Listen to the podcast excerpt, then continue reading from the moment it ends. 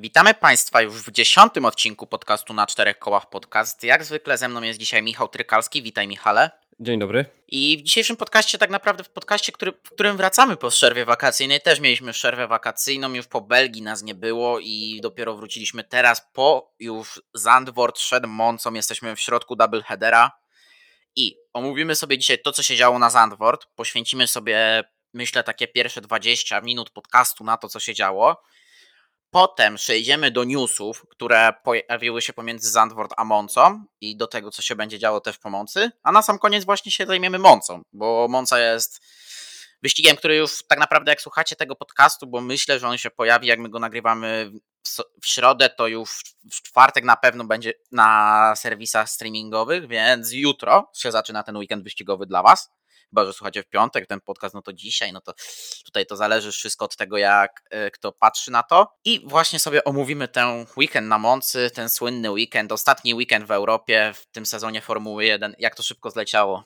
Dopiero, zaczy dopiero zaczynaliśmy sezon w Europie, a już go kończymy, ale no po Europie już będziemy mieć tylko kraje Azji Wschodniej, tej, tego dalekiego wschodu, bliskiego wschodu, Stany Zjednoczone, e, Meksyk Brazylia, ale okej, okay, bo ja się tutaj rozgadałem o tym, co czeka nas jeszcze w drugiej połowie sezonu, ale zacznijmy od pierwszego wyścigu tej drugiej połowy sezonu, czyli Grand Prix Holandii, rozgrywanego na torze Zandvoort.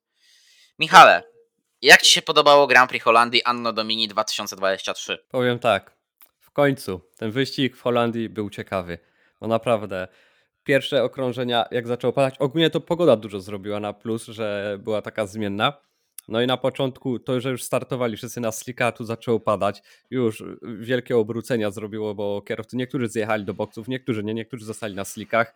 Tutaj już mieliśmy dużą różnorodność.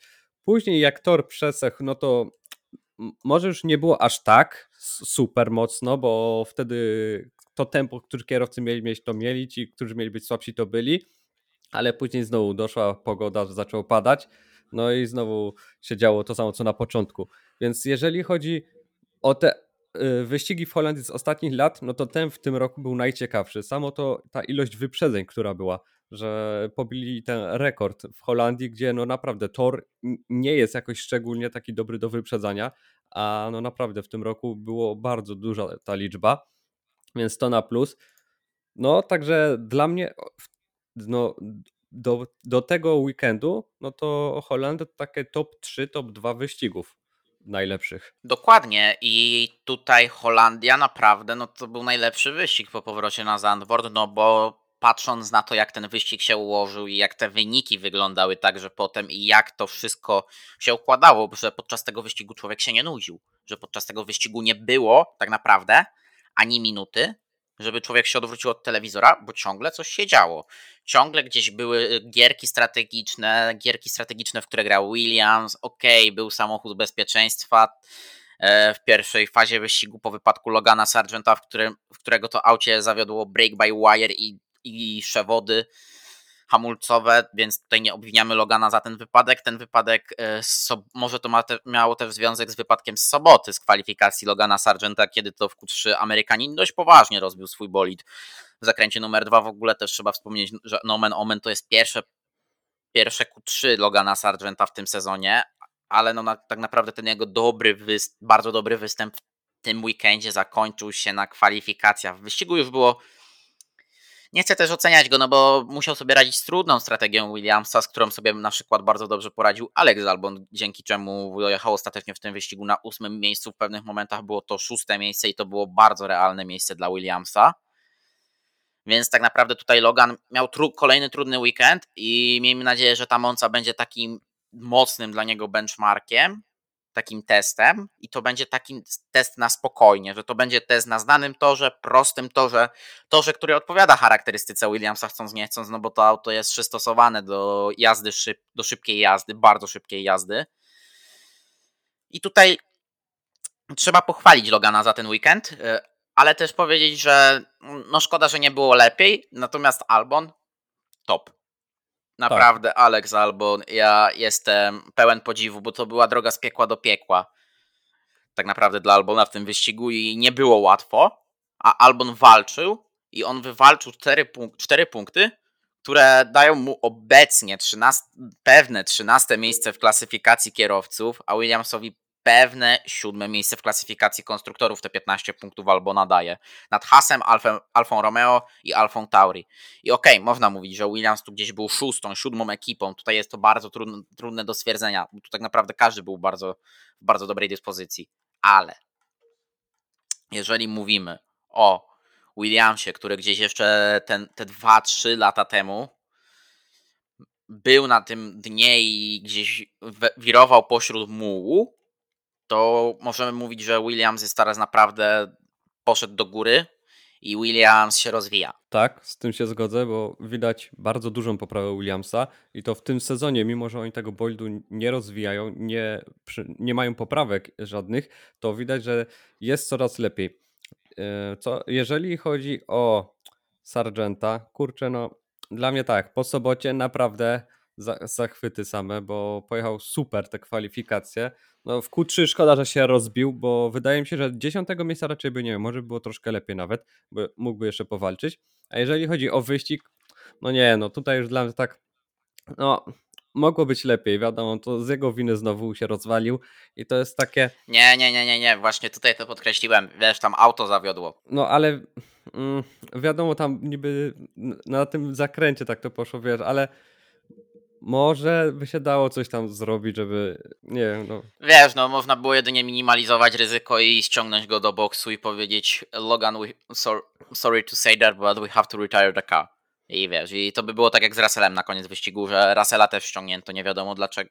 No wiadomo, że to była jakaś usterka techniczna e, w wypadku George'a, jeżeli się nie mylę, bo, bo najprawdopodobniej na to się zanosiło, że tam była jakaś usterka. No i po prostu wycofano auto z wyścigu, więc no tyle można było zrobić. Ale wiesz, tak są. Williams też, patrząc na pieniądze, koszy tego wszystkiego, to czasami lepiej właśnie jest wycofać tego zawodnika, jak i tak nic nie zdobędzie, niż wiesz, mieć te myśli, że może coś się stać, że ten bolid się rozwali, no nie? I wtedy te koszty będą o wiele większe. Więc tutaj, no takie ciężko powiedzieć, wiesz, ogólnie to Sargent po sobocie naprawdę bardzo dobrze. No ta niedziela, no szkoda, że mu zepsuła ten, to rozbicie, e, bo tak ten wyścig nie był najgorszy, ale też jakoś on tam te pozycje stracił. No właśnie ta taktyka też, co u Albona się sprawdziło i dał radę, no to u Sargenta nie wyszło. Ale też tutaj, no nie wiem, no mam nadzieję, że we Włoszech teraz Sargent się pokaże z jakiejś dobrej strony. No w sumie to tor dla Williamsa, więc może tutaj w końcu jakieś te pierwsze punkty zdobędzie, bo tak naprawdę za nim jest tylko trio z Alfa Tauri, co tak no trochę dziwnie wygląda, bo za niedługo się może się okazać, że ktoś z tego Alfa Tauri go wyprzedzi, no ale to zobaczymy.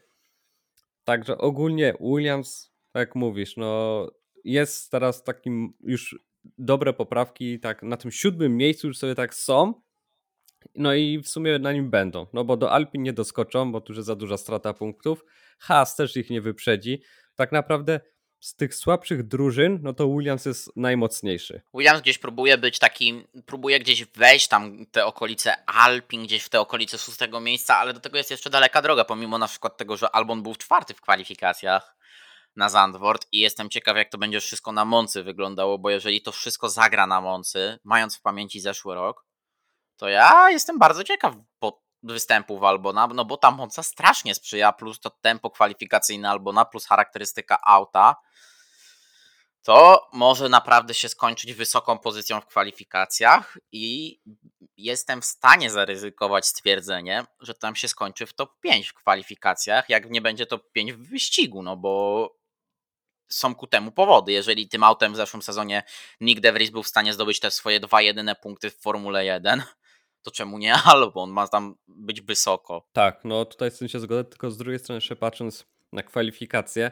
to tutaj ważne też będzie to podciąganie, które tak co roku jest i co się dzieje na torze we Włoszech, także wiesz, może być tak, że Alex póki będzie mógł, to będzie miał dobre czasy w tych kwalifikacjach, ale później, gdy będzie potrzebna ta pomoc drugiego kierowcy, no to a powiedzmy Sargenta nie będzie tam w Q3, no to wtedy może się okazać, że już będzie trochę słabiej, no nie? I że jednak, no, nie będzie już tak łatwo wskoczyć do tego top 5, co nie ukrywam, dla niego, no Q3 Pewne, według mnie też. To jest takie pewniak, że on do Q3 wejdzie. Tam może już być trochę ciężej, ale no coś pokaże. A w wyścigu też jakieś spokojnie parę punktów zdobędzie. No bo ma szansę na to. Tylko wiesz, jeszcze tak powiem tak. Williams chce tak coś podgonić tego Alpin, ale Alpin ma dwóch kierowców, którzy zdobywają punkty. Williams ma obecnie jednego. No i tutaj też jest ten problem, że musiałby ten drugi jeszcze zacząć. To może wtedy by było jakoś jeszcze lepiej się zbliżyć. A też nie wiadomo, bo są niby jakieś słuchy chodzą, że Schumacher może wskoczyć na przyszły sezon za Sargenta, jak mu dalej tak słabo będzie szło. Nie, proszę, Mick Schumacher to już powinien skończyć swoją karierę w Formule 1 dawno, dawno temu. Naprawdę, bo Mick Schumacher nie ma jakichkolwiek podstaw, żeby jeździć obecnie w Formule 1. I ja to mówię z pełną tego odpowiedzialnością. No i wiesz, tutaj chodzi o to tylko, że Williams z Mercedesem trzyma. Bo tak to pewnie Mick nie byłby w ogóle jakoś poruszany w tym temacie, że miałby wskoczyć do Williamsa jako kierowca podstawowy. A tak patrząc, no kogo by mieli za Logana też dać?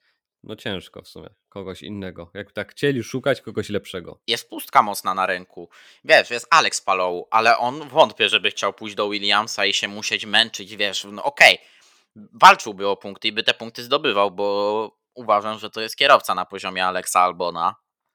Alex Palou jak nie wyżej.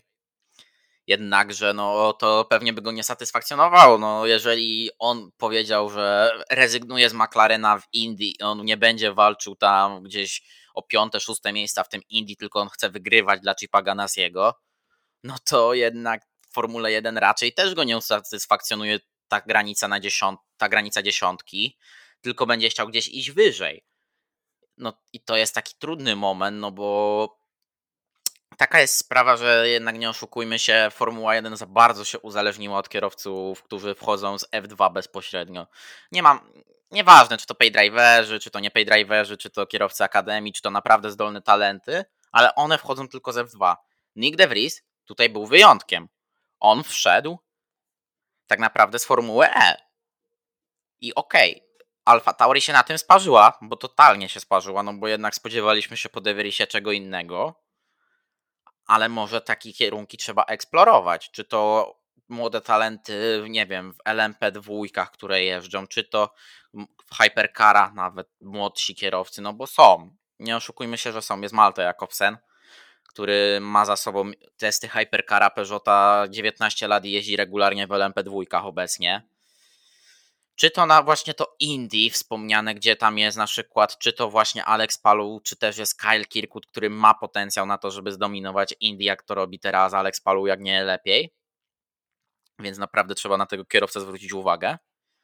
Ale przy taki, takim braku laku w F2 mi się wydaje, że Formuła 1 będzie musiała się zwrócić ku Ameryce, ku IndyCar, czy to, czy ku innym seriom, bo teraz naprawdę to wygląda słabo w F2, bo ja tam nie widzę takiego potencjalnego następcy, takiego potencjalnego kierowcy, który by teraz wskoczył do tego auta F1 i by jakoś się pokazywał. No patrząc na ten sezon, to w Formule drugiej, no ciężko kogoś wybrać takiego, co by się nadawał do tej Formuły pierwszej.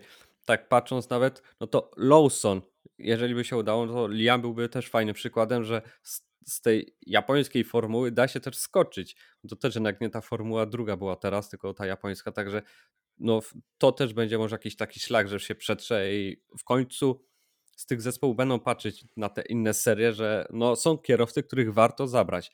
A tutaj jeszcze w sumie teraz sobie tak pomyślałem, że do Williamsa jakby tak, miała być jakaś zmiana kierowców, to jeszcze jest yy, Joe, który też może nie wiadomo, czy będzie dalej jeździł w Alfie, no bo tam też słuchy dochodzą, że podobno nie, przynosi taki, nie przyniesie takich pieniędzy, jakby zespół chciał.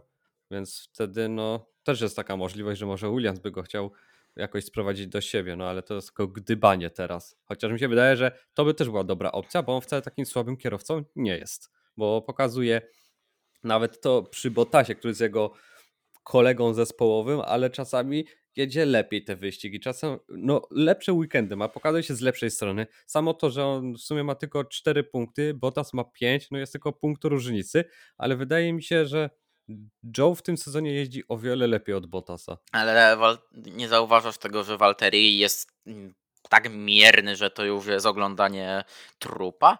Tak, bo dla mnie Bottas już jest taki Raikkonen, typowo. On jest w tym bolidzie, w tej formule i jeździ tak, o, bo jeździ, ale tak naprawdę to on już by mógł pójść na emeryturę. On już tak dla zabawy jest chyba tylko. Dokładnie, ale nawet mam teraz przed sobą klasyfikację F2 i kto tam prowadzi obecnie? Teo Pursze. 168 punktów i ma tylko 12 punktów przewagi nad Frederikiem Westim. Frederikiem Westim, który w zeszłym roku był przeciętnym kierowcą. Nie oszukujmy się, okej, okay, on jeździł, jeździ teraz w premie, jeździł w Arcie, ale patrząc na to, że tam była stawka Felipe Drugowicz, Teo Pursze, także Liam Lawson, Logan Sargent, e, Ayumu Iwasa, który jest kolejny sezon z rzędu na gdzieś dobry, dobrym, na wysokim poziomie, no to i tak nadal to jest mizerność. I patrz. Bo, no mów, przepraszam, bo to jest taka mizerność, bo ci kierowcy sobie jeżdżą ten trzeci rok w tej F2 i oni nadal nie zapracowali na awans do F1, bo Teo Pursze rok w rok jest tak naprawdę, gdzieś umyka mu to mistrzostwo. W zeszłym roku przegrał z bardzo dobrym Felipe Drugowiczem, który w tamtym sezonie pokazał swój talent moim zdaniem i tak naprawdę się odpalił dopiero wtedy, bo w zeszłym sezonie F2 był mocniejszy pod kątem nazwisk, mi się wydaje, no bo był Liam Lawson sprawdzony w DTM-ie już i też z doświadczeniem F2. W końcu awansował wtedy do F2 Logan Sargent, który w F3 się bardzo dobrze pokazywał. Był właśnie Purscher, był także Yuri Vips, który ok, nie zakończył tego sezonu na najwyższej możliwej pozycji, ale też to auto odmawiało posłuszeństwa, plus były te afery dookoła niego. Był Marcus Armstrong, który teraz sobie radzi fajnie dość w IndyCar. I było trochę tych, było trochę tych kierowców, a tak naprawdę Porsche nadal się gdzieś miota. No właśnie, też chciałem się do niego odnieść, że on, to nie jest jego pierwszy sezon, on już jeździ, niby taki wielki talent, a jednak teraz, gdy jest najsłabsza stawka, on dopiero teraz się pokazuje z tej dobrej strony, że jest na tym pierwszym miejscu i walczy o mistrzostwo, z czego on naprawdę dalej popełnia dużo błędów w tej formule drugiej i czasami to takie błędy popełnia bardzo głupie. Normalnie takiej Latifi można by powiedzieć, czasami się mu odpala. Tak, no, także jakby on powiedzmy miał iść też do Alfy, no to ciekawi mnie, co on by pokazał w, takiej, w tym zespole. No bo wiesz, okej, okay, debiutancki sezon zakończony na piątym miejscu. Super, wyprzedził takie nazwiska jak właśnie Yuri Vips, yy, Felipe Drugowicz, Liam Lawson, okej, okay, to też był debiutancki sezon, ale też Christian Lundgaard. Lundgaard, który teraz podbija IndyCar. Więc no okej, okay, wyprzedzał takie nazwiska, też Markusa Armstronga wyprzedził. Ale, ale tutaj muszę zaznaczyć, bardzo mocno podkreślić chcę, że szedł nim był Oscar Piastri, debiutujący wtedy w Formule 2. Był Robert Schwarzman, który też jechał tą Formułę 2 już tak z takim widmem, że no chyba nie będę miał miejsca w Formule 1, bo Ferrari mi nie znajdzie takiego miejsca po wrzuceniu Mika Schumachera. I Robert Schwarzman, który miał genialny rok 2020 był też tak, był przed nim także Zhou Guangyu, który trzeci, kończył ten sezon na trzecim miejscu. Był także wielki syn marnotrawny Dantiktum, który no wtedy był na takiej granicy cienkiej bardzo. Był na mocno cienkiej granicy. Był yy, tak naprawdę już od Formuły 1 dalej niż bliżej, bo mógł pojechać w Formule 1, pamiętajmy, dla Toro Rosso już w 2019 roku ale no nie udało mu się. Nie zdobył super licencji, no i się nie udało. I pojechał ten sezon Formuły 2 tak naprawdę, żeby pojechać. No Williams go wtedy wspierał teoretycznie, ale no wyleciał z Williamsa za wszyscy wiemy jakie słowa. Więc yy, no tak naprawdę Porsche nie widzę takich talentów w Formule 2 obecnie. Dopiero Formuła 3 tego sezonowa daje mi jakkolwiek nadzieję na cokolwiek. No tak, bo w sumie no tak Porsche dobry miał swój pierwszy debiutancki sezon, a kolejny już, już taki dobry nie był. Ten to samo. No wiadomo, teraz są słabi kierowcy, no to coś pokazuje, ale to jest też takie niepewne, czy on wygra tą Formułę drugą, bo tutaj jeszcze został kilka wyścigów, a on, no dobra, 12 punktów ma przewagi, ale to tak naprawdę może bardzo szybko stracić też, jeżeli znowu coś zrobi nie tak w wyścigu. No i właśnie tak jak mówisz, no w Formule trzeciej to już są takie ciekawsze nazwiska, i nie zdziwię się w sumie. Dobra, ten Porsche jak wygra mm, Formułę drugą, to on skoczy do Alfy na przyszły rok, co raczej takie pewne będzie, ale jeżeli on nie wygra, tylko jakiś inny kierowca, no to on nawet nie zagości w Formule 1. Żaden z tych kierowców teraz jeszcze w ogóle do Formuły 1 nie wejdą. Może za dwa lata ktoś. Chociaż jeszcze mnie zastanawia Fittipaldi też. Emerson, no bo on też jest... Enzo. Enzo znaczy, no. Yy, też się zastanawiam nad nim. Czy on by ma, miał jakieś szanse. A, I to jest ciekawe, powiem ci, ale wątpię, powiem ci, bo okej, on pokazuje jakiś talent, ale to jest, wiesz, takie... Okej, zrobi karierę jak Pietro w Endurance'ach, ale no nie F1. Nie F1. No i wiesz, to, że on teraz jest wspierany przez Red Bulla też, no nie? Tutaj tak, to, no, to ale- też jest właśnie taka zagadka, Wiesz, chociaż no. wiadomo, no są lepsi od niego w Red Bull, nawet jakby juniorzy. Są, zdecydowanie. Także ono to jest tak też niżej. Gdyby był może juniorem w innym zespole jakimś, no to wtedy jeszcze jakieś szanse by były, że on by wskoczył. Ale tak, no to też chyba tego nie widzę właśnie. I on gdzieś będzie musiał podbić jakiś endurance albo gdzieś do Ameryki, do Stanów się udać. Dokładnie, ale wiesz, co jest jeszcze zaskakujące, że taką Formułę 3 obecnie domi- zdominował. Tak, no już tak naprawdę blisko jest zwycięstwa, mistrzostwa Gabriel Bortoleto. Człowiek, który był dopiero w szósty w zeszłym sezonie Freki, a wyprzedzili go m.in. Dino Beganowicz czy Gabriele Mini. To jest niesamowite. Jaka, no i to jest też właśnie takie, no. On, gdzie też ma już, no w sumie takie, bo jeszcze jeden wyścig został w Formule 1, no nie? Y, w Formule trzeciej. Tak, został jeden weekend. No właśnie, także on też już ma pewne to mistrzostwo tak naprawdę. No drugie miejsce tylko Aaron z Martin mogą powalczyć, no i może O'Sullivan jeszcze. Dokładnie, ale, ale wiesz o co chodzi teraz? No, że masz, przed nim byli w zeszłym sezonie Beganowicz, Mini i Aaron. Oni wszyscy teraz są niżej. jeżdżą, są niżej, bo jeżdżą razem z nim w Formule 3. Tak, I wiesz, i to nie było tak, że on, o, okej, przegrali trochę o kilkanaście punktów. Nie. Bortoleto stracił do Beganowicza blisko 130 punktów, więc to jest trochę punktów jednak chcąc nie chcąc. I przed nim jeszcze na przykład był taki Cas Haver Kort, który nadal jeździ we Frece, a, albo Adrien David, który też nadal jeździ we Frece, bo Alpin nie dało mu wsparcia. no właśnie. Więc tak naprawdę takim talentem, takim obok, obok Beganowicza i Portoleto jest dopiero Kimi Antonelli, który jest teraz w Frece. Takim talentem z krwi i kości. Tak. Albo jeszcze na przykład Martinius Stenshorne, który też bardzo dobrze jeździł. Chociaż tutaj jeszcze jak tak patrzę na tych zawodników z Formuły trzeciej, co są tak mogą, to dla mnie w sumie Montoya ma chyba pierwszy sezon to jest w Formule trzeciej. Tak mi się wydaje, tak, tak, tak. No, a on też przecież w tych juniorskich seriach jeszcze, to on też się przecież z dobrej strony pokazywał. Więc tutaj wiadomo, to pierwszy sezon nie jest najgorzej, ale może w przyszłym sezonie też coś się pokaże z lepszej strony i też. W sumie wiadomo, że on trochę po nazwisku też będzie jechał, ale też mi się wydaje, że może takim kierowcą, który gdzieś tam może zawita w tej formule pierwszej. Dokładnie, ale wiesz, jeszcze tylko tak co do Formuły 2, tylko chciałem jeszcze się zreflektować. Mi się wydaje, że jeszcze jest Oliver Berman. Musimy mu dać ten sezon na ogarnięcie się. I A on tak. będzie takim talentem. Też być, bo teraz w sumie siódme miejsce, źle nie wypada. Także w przyszłym sezonie też może o wiele, wiele lepiej to wyglądać z jego strony. Też mi się tak wydaje, że to będzie lepiej i będziemy mogli bardziej oglądać go. O, i mnie jeszcze powiem ci ciekawi, w sumie Leclerc, młody. Mm, nie, Artur, nie, nie, nie? nie. Ja ci mówię, że nie. On jest bardzo, bardzo mizerny.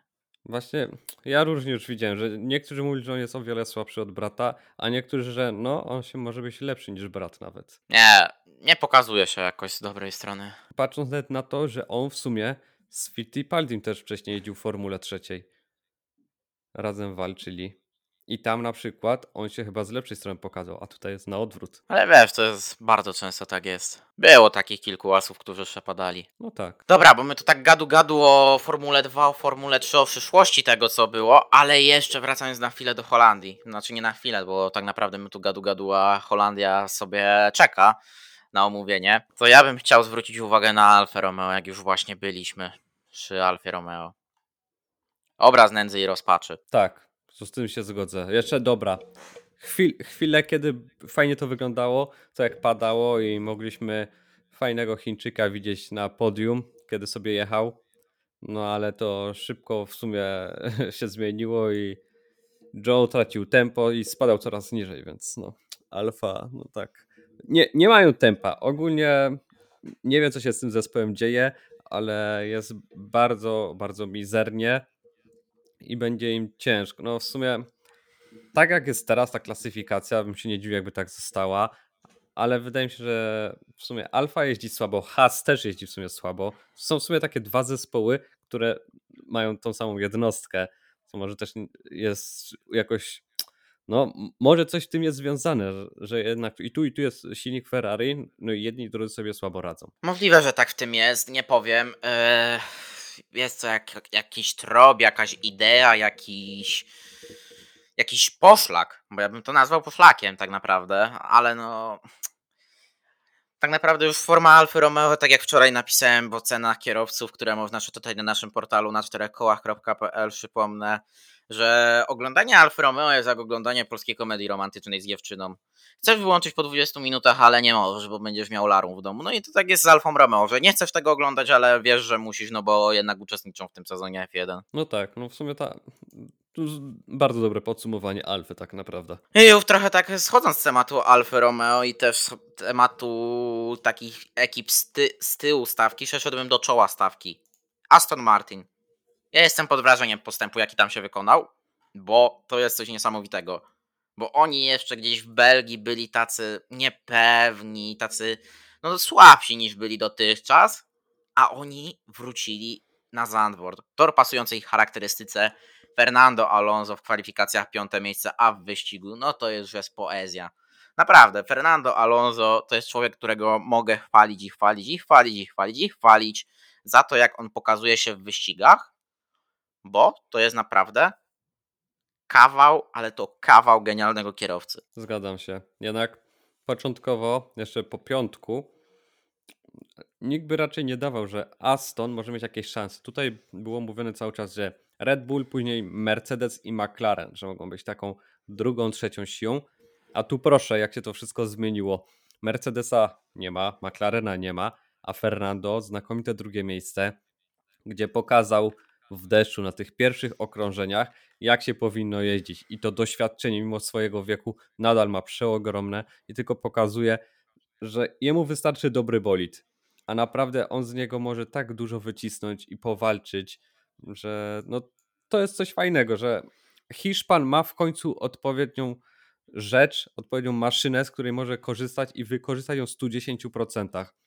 No i jeżeli dalej tak będzie ten Aston, znaczy gdyby, gdyby wrócił teraz właśnie, no to Alonso będzie widoczny na tym podium do końca sezonu, no parę razy, chociaż nie powiem, bo wiadomo, że Mercedes i McLaren, gdyby nie taktyka ich trochę dziwna, no to mogłoby być trochę gorzej z tym Alonso na podium. Może i tak, ale zobacz, że McLaren w wyścigu, okej, okay, starał się nadrabiać, ale to tempo było tak wyrównane, że nie szło. Wiesz, nawet oficjalne analizy Formuły 1 mówiły, Aston Martin ma drugie tempo wyścigowe i wiesz, i mi się wydaje, że to było na tyle wyrównane tempo wyścigowe, tak jak analizy mówiły, że tam nawet jeżeli to by było o, na milimetry, to tam by się to rozegrało na kunszcie kierowcy. A nie oszukujmy się, że Fernando w obecnej formie jest najlepszym kierowcą spośród pięciu kierowców, o których mówimy, z zespołów, o których mówimy, bo Lansa Strolla nie liczę, bo do tej aboni, abon, abominacji przejdziemy jeszcze za chwilkę. I wiesz, masz Alonso, Hamilton, Russell, myślę na trzecim miejscu, czwarty Norris i dopiero na końcu jest Piastri. Nie ujmując, ale wiesz, Alonso jest najlepszy spośród tej piątki. I to jednak czynnik ludzki zagrałby tu najwięcej i, ten czyn, i tym czynnikiem jest właśnie 42-latek z Oviedo. A to tak, z tym się zgodzę, bo w sumie to było widać idealnie na pierwszych okrążeniach, gdy już padało, wszyscy jechali na slikach, jak młodzież pojechała, jak pojechało Alonso. No pokazał swoje doświadczenie, tyle na tym wyszedł lepiej, bo wygrał, bo sobie wszystkich wyprzedził i wskoczył na drugie miejsce. I tutaj pod tym względem patrząc na to tempo, gdyby właśnie było bardzo wyrównane, no to Alonso miałby największe szanse. Chociaż z tym Russellem bym się jeszcze zastanawiał, bo mógłby z nim powalczyć, bo jednak Mercedes też był bardzo mocny. w ten weekend, patrząc po Lewisie Hamiltonie, który miał naprawdę też znakomite tempo. I gdyby, no, nie ta dziwna strategia, właśnie, to Hamilton też spokojnie by mógł powalczyć o podium. Według mnie. To byłoby takie, no, pewniak. I właśnie nie wiem, powiem ci szczerze, bo patrząc na to, że był ten deszcz, to nie wiem, bo naprawdę Hamilton się w tym deszczu nie odnajdywał. I to było widać e, w sobotę. Ale patrz, w sobotę właśnie nie było go widać, a w niedzielę, mimo że padało i on jechał na tych deszczówkach, to miał lepsze tempo. Bo przecież wyglądał lepiej niż niektórzy kierowcy. I gdyby mu zamienili na początku, na tym pierwszym okrążeniu, albo drugim, by zjechał, bo na trzecim zjechał wtedy tak samo jak Norris, jeżeli się nie mylę, to gdyby to było okrążenie wcześniej, on by na tym zyskał więcej i mi się wydaje, że mógłby powalczyć. Też właśnie patrzę na te, wiesz, zmienne warunki, bo pod koniec wyścigu on też miał dobre tempo. Było dobre tempo, ale wiesz, patrząc na to, że Ferrari Sainza nie było w stanie walczyć, chociaż okej, okay, Sainz to Sainz, jednak on jest nadal bardzo chimeryczny i nierówny. Ale też do Ferrari sobie pewnie omówimy bardzo szybko, więc nie wiem, powiem ci szczerze. Mercedes bardzo dziwny weekend, tak samo McLaren ma, miał dziwny weekend. Aston naprawdę dobry weekend i tutaj brawa dla Fernando Alonso, ale ja sobie przejdę do Lansa Strolla, bo ja lubię sobie troszkę Lansa Strolla mordować, bo tak jak powiedziałem, dla mnie to jest abominacja, że ten człowiek jeździ w tym zespole i że Lawrence Stroll na to nadal pozwala, bo patrząc i na to, że jacy tam idą inżynierzy, jakie tam są prace wykonywane, ta nowa fabryka w Gaydon przecież. I obok Fernando Alonso w takim aucie siedzi tak, ale to naprawdę tak przeciętny kierowca jak Lance Stroll. To jest coś niesamowitego. To jest po prostu marnowanie potencjału i tutaj, okej, okay, może nawet nie oddaję tego głosem, jak to jest, jaki jestem tutaj na to gdzieś poirytowany, ale może też gdzieś to jest ta moja obojętność na to już, bo ja naprawdę nie chcę oglądać Lansa Strolla w Astonie Martinie. Wrzućcie tam na litość boską Felipe Drugowicza. Co wam szkodzi? Na jeden sezon.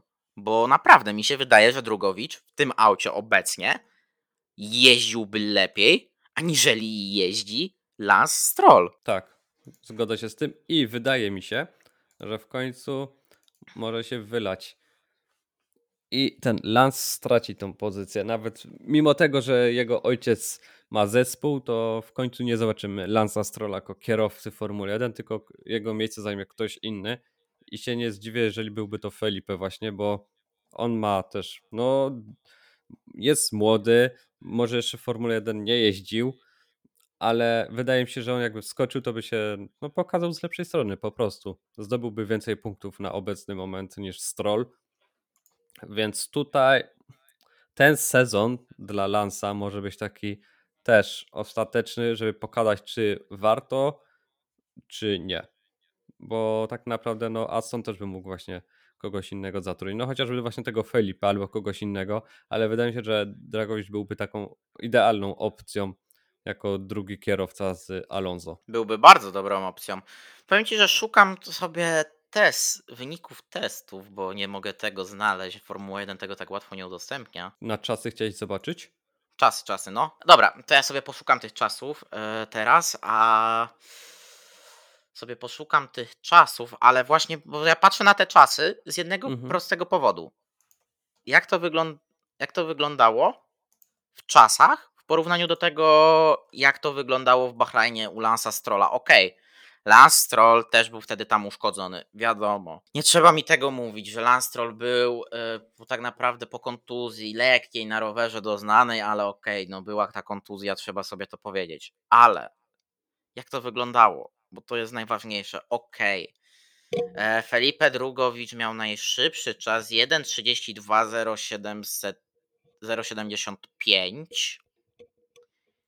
i to był czas pewnie uzyskany jako taki czas typowo e, szybki czas kwalifikacyjny, ale mogę się mylić, że to był czas kwalifikacyjny. Zaraz sprawdzimy czasy treningów, bo to będzie najbardziej e, mi tutaj rzutowało. Już. Bahrain.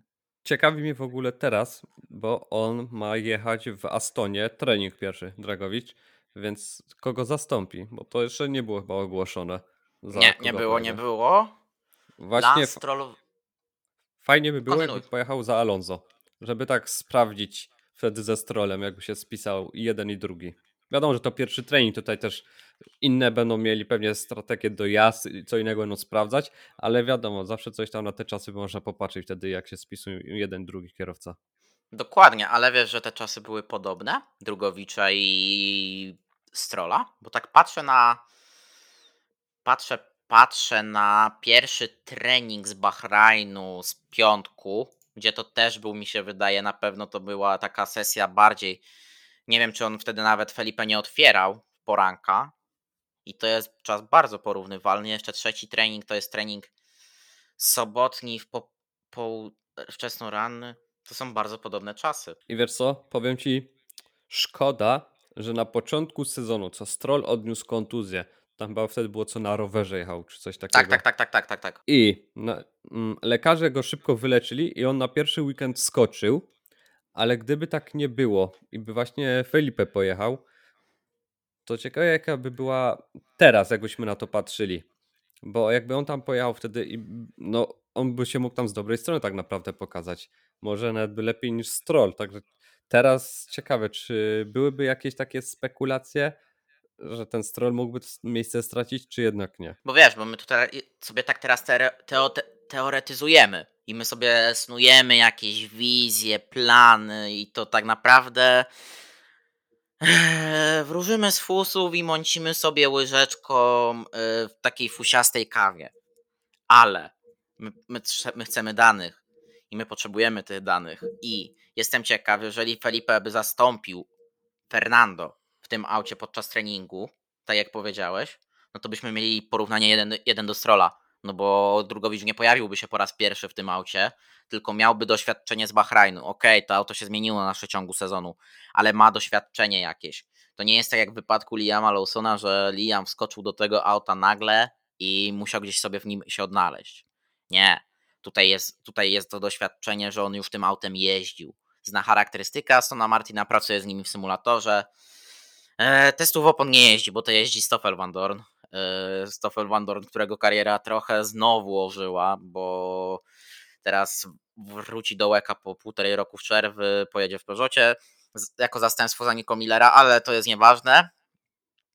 I właśnie kończąc już temat Astona Martina, bo też nie możemy się rozwodzić, e, przeszedłbym do Red Bulla. Red Bull, ok, Max Verstappen to jest inna sprawa, bo Max Verstappen jest w swojej lidze, tego już nie, nie trzeba komentować, bo to się samo komentuje naprawdę dobitnie, ale Sergio Perez, Jezus Maria, jak można pojechać z piekła do nieba i z tego nieba z powrotem zjechać do piekła? Ale nie takiego dużego piekła. Bo... Nie dużego, ale wiesz, ale no stracił pewne podium. No tak, no to jest właśnie takie super pomysł z tym, że od razu jak zaczął padać na pierwszym okrążeniu zjeżdżać, na tym zyskał no w sumie najwięcej, bo wskoczył na pierwsze miejsce. Później jechał, dobre tempo miał ogólnie w całym wyścigu.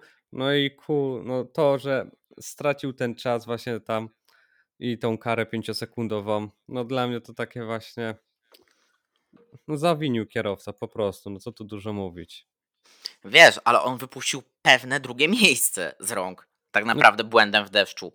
No tak, a zastanawiam się dlaczego też nie chciał, chociaż Alon, Alonso też chyba miał dobre tempo, że Perez nie chciał jakoś spróbować, wiesz, żeby, nie wiem, wyprzedzić, żeby ten czas jeszcze jakoś bardziej, chociaż żeby na tym trzecim miejscu się jakoś utrzymać. No bo wiadomo, Alonso go wyprzedził, on spadł na trzecie miejsce, dostał tą karę 5 sekund, no ale mógł coś spróbować jeszcze, a tutaj już tak nie było nic widać, mimo że miał te 7 okrążeń. Tam było po tej czerwonej fladze. On gdzieś był blisko Alonso, ale jakby nie mógł, nie miał takiej broni, żeby go wyprzedzić. I tak naprawdę spada na czwarte miejsce. Okej, okay, to jest dobry weekend ale to nie jest weekend na kierowcę Red Bulla na litość boską. Bo jeżeli ktoś spojrzy sucho w wyniki, naprawdę sucho, totalnie bez kontekstu, teraz odłóżmy sobie ten kontekst na bok. Siódme miejsce w kwalifikacjach i w czwarte w wyścigu. Ja się czuję, jakbym oglądał Alexa Albona z czasów Red Bulla, czy Piera Gasliego w lepszych wyścigach, a nie Sergio Pereza, kierowcę, który wygrywał dla Red Bulla, kierowcę, który stawał na podiach dla Red Bulla i staje. No okej, okay Red Bull na pewno jest nim, z nim w lepszej sytuacji, aniżeli był z Gazlim czy z Albonem, ale no to jest już trzeci sezon Pereza w Red Bullu. On już się tak wjeździł w to auto I teraz słowa Helmuta Marko, które mówią, że no, jeśli Perez nie poprawi się w kwalifikacjach, no to my go będzie, no to nie, nie zobaczy Red Bulla w przyszłym roku.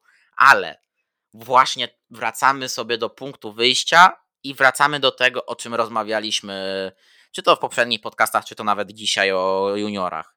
Kto by tam miał zastąpić Pereza? Bo jak, jak nie jestem tym z łagodniejszych publicystów mówiących o Perezie, bo ja o Perezie już mówiłem w zeszłym roku, że to nie jest kierowca na miarę Red Bulla i to i że to jest, że on popadnie w taką przeciętność, to wtedy fani Pereza mnie mieli ochotę zjeść, ale wyszło ostatecznie na moje, bo Perez już wtedy był bardzo przeciętny i on na przykład to w Belgii pokazał, że ok, było drugie miejsce, ale no to nie było drugie miejsce w zdobyte w fajnym stylu i że tam mogło być zwycięstwo na przykład. Więc sobie wracamy teraz do punktu wyjścia. Kto by miał zastąpić takiego Sergio Pereza w Red Bullu? Bo Lando Norris raczej nie jest do wykupienia z McLarena, no bo tak naprawdę teraz potracił wszystkie opcje Zach Brown. Alexa Palu nie ma pod ręką, żeby wrzucić go ewentualnie do Formuły 1, no bo raczej po tym, patrząc na to, jak Palu się zachował w stronie e, Zaka Browna, to tam jest most spalony. McLaren nie ma juniorów. Został im tylko Oscar Piastri. I do kogo się tu uśmiechnąć, żeby przyszedł do takiego McLarena? Powiem ci tak, Lando jest nie do ruszenia na obecny moment i on nie pójdzie do Red Bulla. No to by musiał być chyba przeogromne pieniądze i żeby się zgodził na kierowcę numer dwa, a w jego przypadku raczej to jest niemożliwe. Yy, jeżeli chodzi jeszcze o to, kto by mógł skoczyć do McLarena, no nie ma takiego kierowcy na obecny moment naprawdę jakby tak poszukać, popatrzeć, no ciężko by było. Chociaż czekaj, jest jeszcze ten drugi kierowca w Indii. On jeździ w McLarenie. Pato Award, o niego o, ci chodzi. Tak, Award. No to właśnie jedynie to on byłby jeszcze jakąś opcją, żeby wskoczyć do McLarena. No ale tak czy siak, no on boliden też prawie nie jeździł w ogóle, więc jakby miał tak nagle wskoczyć z Oscarem, no to nie wiem, no ciężko by to wyglądało, żeby też się mogli rozwijać jakoś, iść do przodu. Więc dla mnie tutaj ciężko będzie, żeby coś się zmieniło. Jedynie co, to opcja jest taka, że Ricciardo skakuje za Pereza i oni by go właśnie, no wiadomo, że ta kontuzja teraz trochę popsuła to wszystko, ale tak, no to Ricciardo by wskoczył za Pereza, jakby się z dobrej strony pokazywał do końca sezonu i wtedy Lawson mógłby wskoczyć do Alfa Tauri. Ja to tak widzę. No i to jest re jedyna realna opcja, tak naprawdę, bo sobie o tym Ricardo jeszcze powiem, potem powiemy. Ale już zmierzając naprawdę do brzegu z Grand Prix Holandii, zostało nam jedynie do poznęcania się Ferrari, bo nad Ferrari będziemy się znęcać. No nie oszukujmy się, przepraszam, bo przepraszam wszystkich tifozich, bo sam jestem tifozim ale no na Ferrari obecnie można się tylko znęcać. Niestety i to kolejny raz. Chociaż dobra, w, w ten weekend jeszcze Mercedes i McLaren też w jakimś stopniu im dorównał, także no, Ferrari nie było tak osamotnione. No nie było, ale tempo Leclerca to był skandal. I to, że Lawson go wyprzedził, no to naprawdę. A, ale debiut Liama, Liama, Liama, Liama, bo jeszcze o Alfie Tauri nie wspomnieliśmy, no to jak już tak Ferrari szybko minęliśmy, no to jeszcze o debiucie właśnie Liama Lawsona sobie pogadamy. Debiut Liama naprawdę in plus. Wiesz, dostajesz informację pewnie w piątek po południu, po tym drugim treningu, to jest godzina 17-18. Słuchaj, na zajutrz musisz wskoczyć do auta i pojechać. No coś jak Robert Kubica, pamiętasz dwa lata temu, też na Zandvoort. Dokładnie, podobna sytuacja. No to, no to będzie ten sam case tak naprawdę dla Liama. Tylko, że Liam jest młodszy troszkę. Troszkę to. Troszeczkę, mało. tak. Troszeczkę. Tak pół, półtorej dekady, ale okej. Okay. No i Liam, wiesz, skakujesz do nieznanego prawie że sobie auta. Dostajesz trzeci trening tylko do wjeżdżenia się i to jeszcze na mokrym. To jest najgorsza możliwa kombinacja. On wjechał na tym mokrym, Później miał kwalifikacje, w który ukończył je na 20 miejscu dość sporą stratą do Botasa, 1,2 sekundy, ale wyścig już naprawdę, naprawdę był dobry. I nie można było naprawdę na niego narzekać. Ja bym nie narzekał. Tak, no w sumie ja cały czas pozytywnie się wypowiadam na jego temat, bo no to jest naprawdę dobry kierowca. Jak zobaczyłem informację od razu, że Lawson skakuje za Ricciardo, to ja byłem pewny, że to będzie dobry weekend i on sobie może w jakimś stopniu pomóc właśnie no, tą Holandią, że wskoczy do tej Formuły 1, no i się nie zawiodą. To nawet pisałem na Twitterze właśnie. I dla mnie, dobra, te kwalifikacje mogły być lepsze. Sam on przyznał, że początkowo było dobre tempo, później tego tempa tak jakby gdzieś uciekło i nie mógł już znaleźć, więc no, skończył na ostatnim miejscu w kwalifikacjach. Mimo, że miał tylko jeden trening, to i tak w sumie źle nie wypadł, bo nie miał też jakichś dużych strat do przedostatniego kierowcy, ale w wyścigu naprawdę pokazał się z dobrej strony i mimo, że te warunki zmienne, to, że on w tym bodzie też mało co siedział, umiał się pokazać z dobrej strony, odnaleźć się na tym torze, też, że nie zrobił żadnego błędu, żeby się rozwalić. To naprawdę, no, tutaj go trzeba pochwalić, bo mimo, że dojechał na 13 miejscu, to jest no w sumie super wynik tak naprawdę. Zanim Bottas, Tsunoda, Magnussen, no i Russell. No ale na pierwszy weekend naprawdę bardzo dobrze. Także no można go pochwalić i czekam na kolejny weekend, bo tam też może dobrze mu pójdzie. A wydaje mi się też, że 13 miejsce to tak samo chyba miał Ricciardo w swoim drugim wyścigu, jeżeli się nie mylę. Zaraz ci powiem, ale tak, tak, tak, tak, dobrze mówisz. Tak. Trzynasty tak, był. Tak, no i właśnie Lawson Nawet w pierwszym, w pierwszym, w pierwszym na, na, na, na, na, na, na, na Węgrzech. Węgrzech, no, także też Lawson w sumie w swoim debiucie zajmuje taką samą pozycję jak Ricciardo też po powrocie, z czego Ricciardo już jest doświadczonym kierowcą Formuły 1, a Liam dopiero pierwszy raz jechał. Dokładnie, i wiesz, no i tutaj bez znajomości auta, no bo nawet nie miał jakichkolwiek testów w tym roku Lawson. Takie testy miał Ricardo. Tak, no i też inne warunki były pogodowe, bo na Węgrzech tam była ładna pogoda, a tutaj no tak dosyć mocno padało w pewnych momentach. No tam na łetach byli w Q... Przepraszam, w FP3. Tak, Dobra, e, mi się wydaje, że nad Zandvoort się poznęcaliśmy, poznęcaliśmy się nad juniorami. Przejdźmy sobie do newsów. Tych jest kilka. Okej, nie jest ich za dużo, ale są. Pierwszy taki z nich. Lewis Hamilton, y, Mercedes, kontrakt do końca 2025 roku. W sumie nie dziwię się. Tutaj w pewnym momencie było takie, czemu nie podpisuje tego kontraktu? No wiadomo, chodziło też o to, jak ten samochód będzie się pokazał, no jaki będzie ten samochód, czy Luis będzie miał jakieś szanse i możliwości nim walczyć, czy nie. No jak widać jest dobrze, bo Luis naprawdę ma fajne tempo w tym obecnym bolidzie z tymi poprawkami, więc jeżeli podpiszą ten kontrakt już tak, że już będzie oficjalnie, to w sumie nic dziwnego. No i najważniejsze to, żeby mu dali na tyle dobry bolid, żeby mógł może powalczyć o tego ósmego, o ten ósmy tytuł. Życzeniowo bardzo mówisz.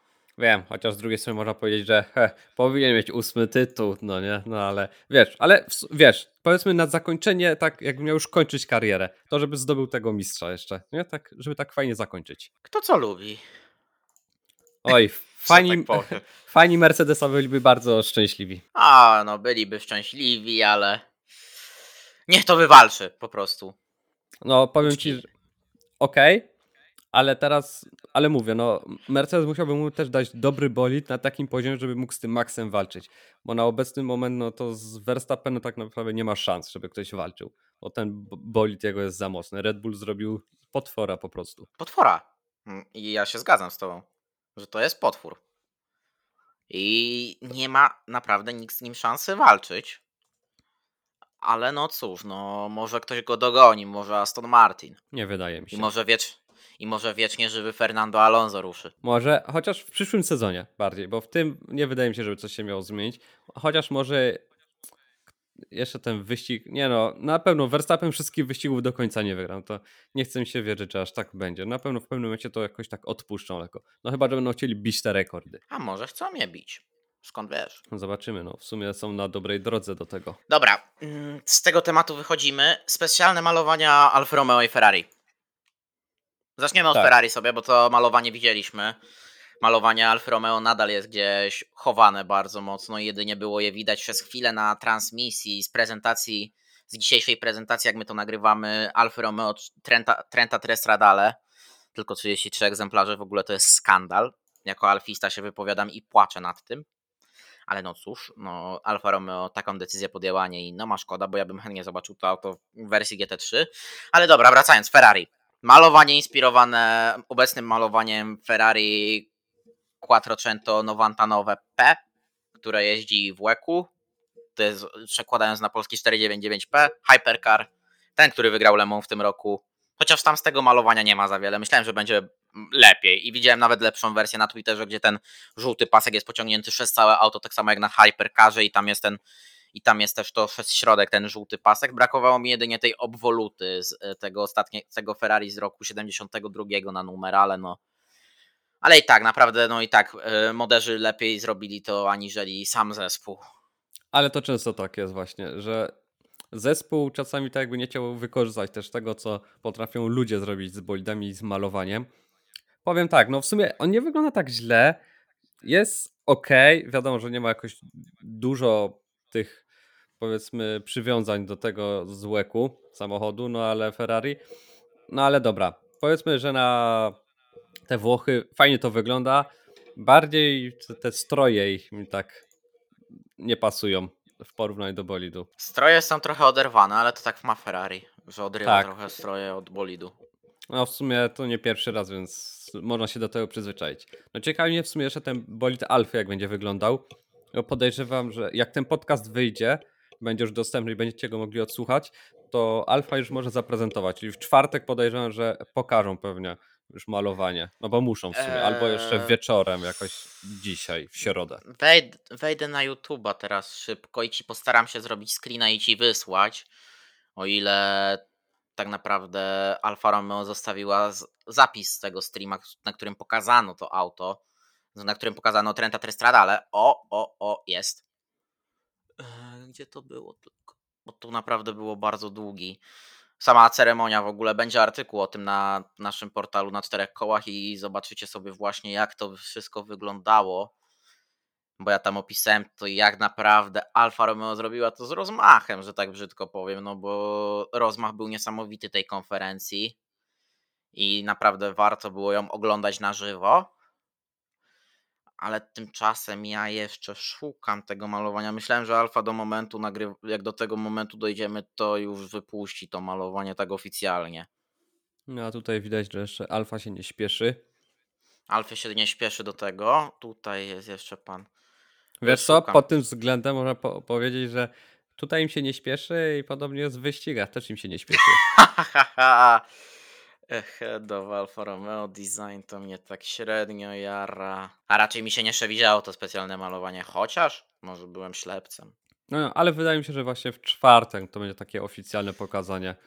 Chociaż, wczor- chociaż dzisiaj w Areze byli, czy to byli Guang Yu Zhou i także był, dos- był Valtteri Bottas. No proszę. Dobra, tu, tu wyjechało to auto. Dobra, pan CEO pogadał. Właśnie staram się tego odna- to odnaleźć dla Michała, bo i żeby też powiedzieć wam o tym malowaniu, bo nagrywamy jeszcze jak Alfa Romeo, jak Zauber z łaski Bożej nam tego nie pokazał. Dziękujemy Zauberze za to, że jesteś taki Ale wspaniałomyślny.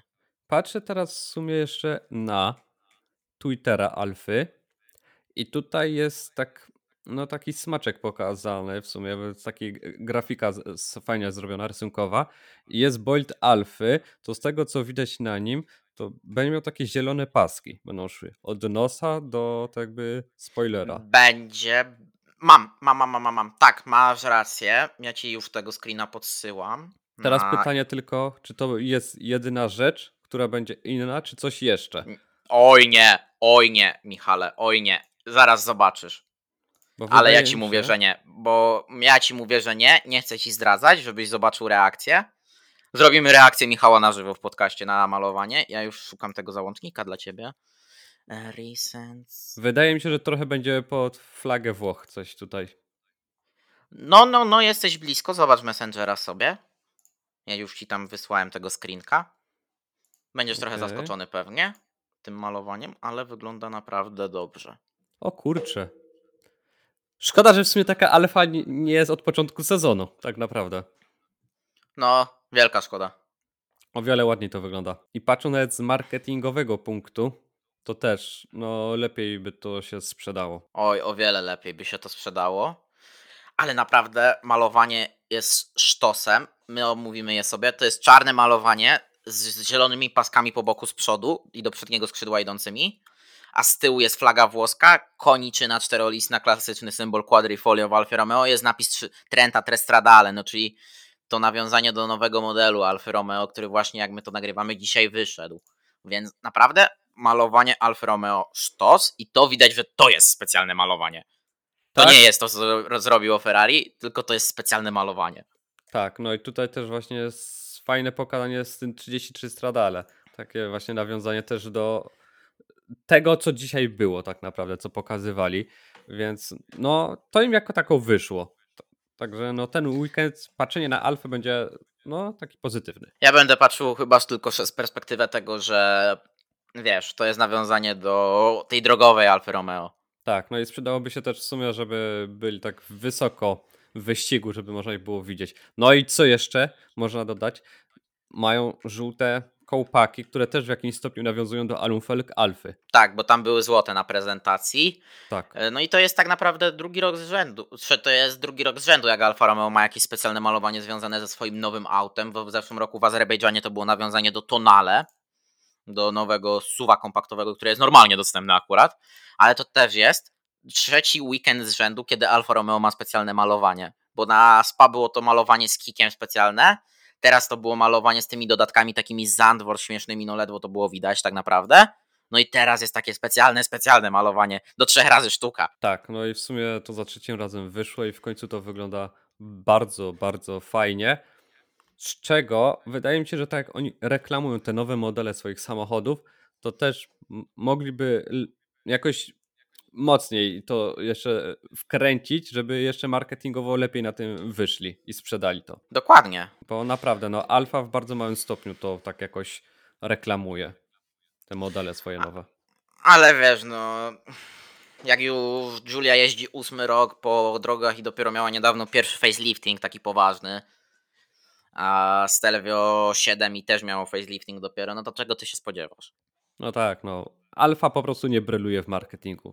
No nie, Julietkę klepano 10 lat. Tą No najnowszą. właśnie. Chociaż te Juliety po 2017 bardzo dobre auto. Bardzo dobrze wyglądają. Tak samo Mito. Jak, już, jak, jak ktoś złapie Mito po 2017, to piękne auto. Naprawdę piękne, piękne miejskie autko, szczególnie z T-Jetem. Zagazujesz i jeździsz za grosze. No tak, no. Alfy są spoko. Właśnie mi to jest naprawdę bardzo fajnym wyborem. I ja jestem w sumie do miasta to jest fajne autko, właśnie silnik T-Jeta jest bardzo fajny. Jestem w szoku, bo nawet na torze jest jedna osoba, co tym mi to właśnie jeździ. No i spisuje się bardzo dobrze. Wiesz, T-Jety dobrymi silnikami były w przeciwieństwie do multierów, bo tam właśnie system multier, ale no kiedyś sobie o, o autach też pogadamy w podcaście, ale to musimy zrobić taki bardziej frywolny podcast o tym, że o tym, co, z czym byśmy chcieli jeździć lub czym jeździmy w wypadku Michała, bo Michał jeździ, a ja jeszcze nie, ale to już jest na inny, na inny odcinek temat. Przechodzimy sobie jeszcze do tego, co się będzie działo na Moncy.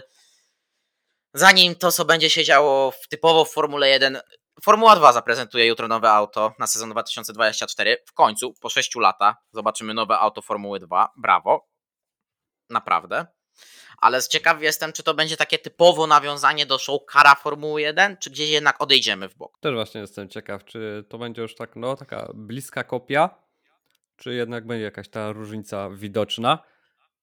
W sumie ciekawe. No na pewno będzie fajnie wyglądało. Mi się wydaje, że będzie zbliżony w jakimś stopniu do buildu Formuły 1, ale coś z, tej z tego teraz konceptu jeszcze Formuły drugiej może zostać. Żeby to było takie, no takie Formuła półtora mi się wydaje, że coś może z tego wyjść. Formuła półtora, ale nie w kierunku Super Formuli, mi się wydaje, bo Dallara też nie będzie chciała Super Formuli podejść. Tak. Bo pamiętajmy, że i tu, i, że i w Super Formuli i we 2 Dallara dostarcza podwozia i w Super Formula poszła właśnie w takim kierunku, jak mówisz. Tam głównie tylne skrzydło poszło w tym kierunku, bo Super Formula bardzo dąży za tym, co jest w F1. I tutaj tylne skrzydło poszło sobie troszkę, tam jest z tyłu takie bardzo udziwnione, bo SF19 był dla mnie perfekcją. Naprawdę, to była perfekcja jako auto. I ono no wyglądało jeszcze wspaniale.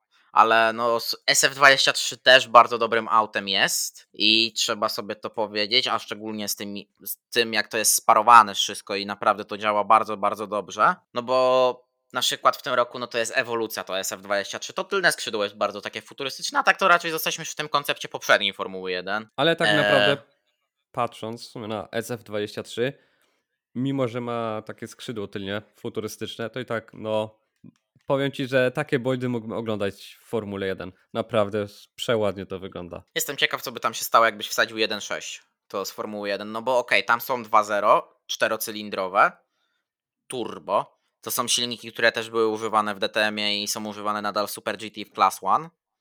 Ale no, można by było jeszcze więcej zrobić z tym autem, mi się wydaje. I je podkręcić jeszcze. Powinni kiedyś taki test zrobić i sprawdzić, jakby to wyglądało, taką jednostkę z Formuły 1 wstawić właśnie, 1.6. No wiesz, no bo tu jest tylko tak naprawdę 550 koni mechanicznych w tej jednostce 2.0. I to wystarcza tam. No bo to też jest lżejsze auto. Tak, no tak. No bo na przykład ta jednostka Toyoty, która tam jest wsadzona, ona się potrafi do 650 koni rozkręcić. Ja jestem ciekaw, jakbyś ziom rozkręcił do 650 koni. Oj, to by było ciekawe. Ale Coś wiesz, no, pięknego. to jest to Toyota, Japonia. Wiemy, jakie Japończycy potrafią robić jednostki, że są bardzo dobre, także no tutaj mogłoby to fajnie wyglądać. Dokładnie, a my przejdziemy sobie jeszcze do jednego tematu, który jest związany z Moncą, a to są testy opon. Testy opon, które będą miały miejsce po Grand Prix Formuły 1 i będą to testy, które odbędą się dzięki Red Bullowi i Alpin, ale nie pojedzie w nich Daniel Ricciardo. I kto go zastąpi? To jest pytanie tak naprawdę, bo tutaj są dwie opcje. Albo Liam Lawson, albo Yuki Tsunoda. Dobre pytanie w sumie. Kto teraz może zastąpić Ricciardo?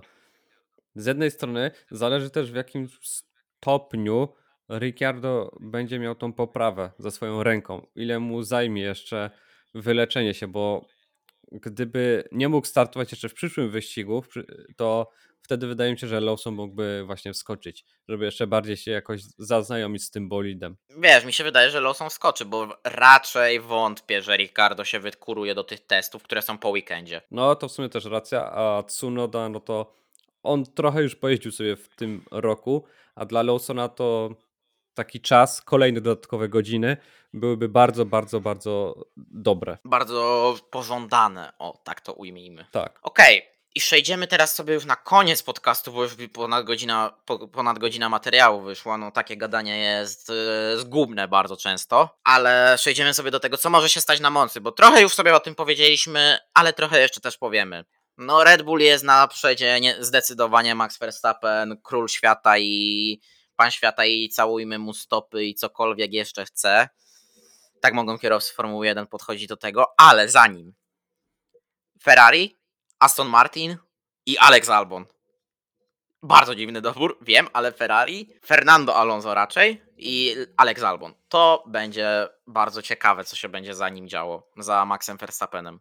Wiesz co, powiem ci, że też mi się tak wydaje, że Ferrari właśnie za Maxem Verstappen, może ten Perez gdzieś tam się jeszcze złapie, ale Ferrari taka druga siła, to jest bardzo możliwe.